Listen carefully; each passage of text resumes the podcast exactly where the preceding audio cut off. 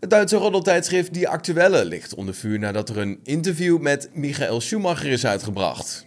Bleek uiteindelijk om een nep-interview te gaan dat was geschreven door AI. De familie van de zevenvoudig wereldkampioen is nu van plan om juridische stappen te nemen.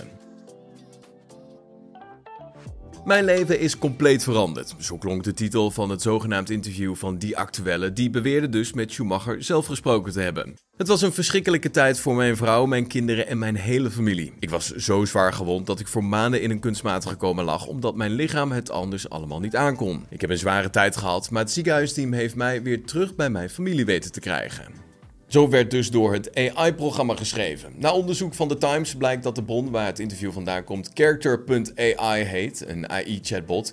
Deze chatbot kan antwoorden geven vanuit verschillende beroemde figuren, waaronder dus ook de legendarische Schumacher. Robert Doorbos werd vorige maand beroofd van zijn telefoon en dure horloge in Amsterdam. Maar inmiddels heeft de politie gemeld dat er een vermoedelijke dader die te maken heeft met het overval is opgepakt. De verdachte is in volledige beperking gezet, waardoor hij momenteel alleen met zijn advocaat mag communiceren. Doorbos zelf is er inmiddels uh, weer wat luchtiger over en uh, laat weten geen dure horloges meer te dragen. Alleen nog maar een Apple Watch. In ieder geval, zo grapte hij tegenover RTL Boulevard. Ondertussen zoekt de politie Amsterdam nog wel verder naar een tweede verdachte. Michelin bevestigt dat het geen toekomst heeft in de Formule 1 en dus Pirelli niet zal gaan vervangen. De Franse bandenfabrikant en de Formule 1 kunnen maar niet eens worden over de rol dat het rubber moet gaan spelen tijdens een Grand Prix. Michelin zou alleen een terugkeer willen maken in de Formule 1 als de technologie de prioriteit is. Ja, dat is waar de Fransen het voor willen doen en niet voor de show of voor de naamsbekendheid. Ja, het raceweekend door de straten van Azerbeidzjan kruipt langzaam maar zeker dichterbij. Dus wij dachten een perfect moment om alvast het tijdenschema met jullie door te nemen.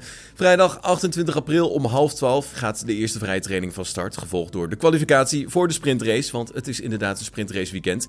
Die begint om 3 uur. Zaterdag 29 april is om half 12 de tweede vrije training gepland. Gevolgd door de sprintrace om half 4 in de middag. Ja, de Grand Prix zelf, de race van Azerbeidzjan, wordt op zondag 30 april om 1 uur in de middag verreden.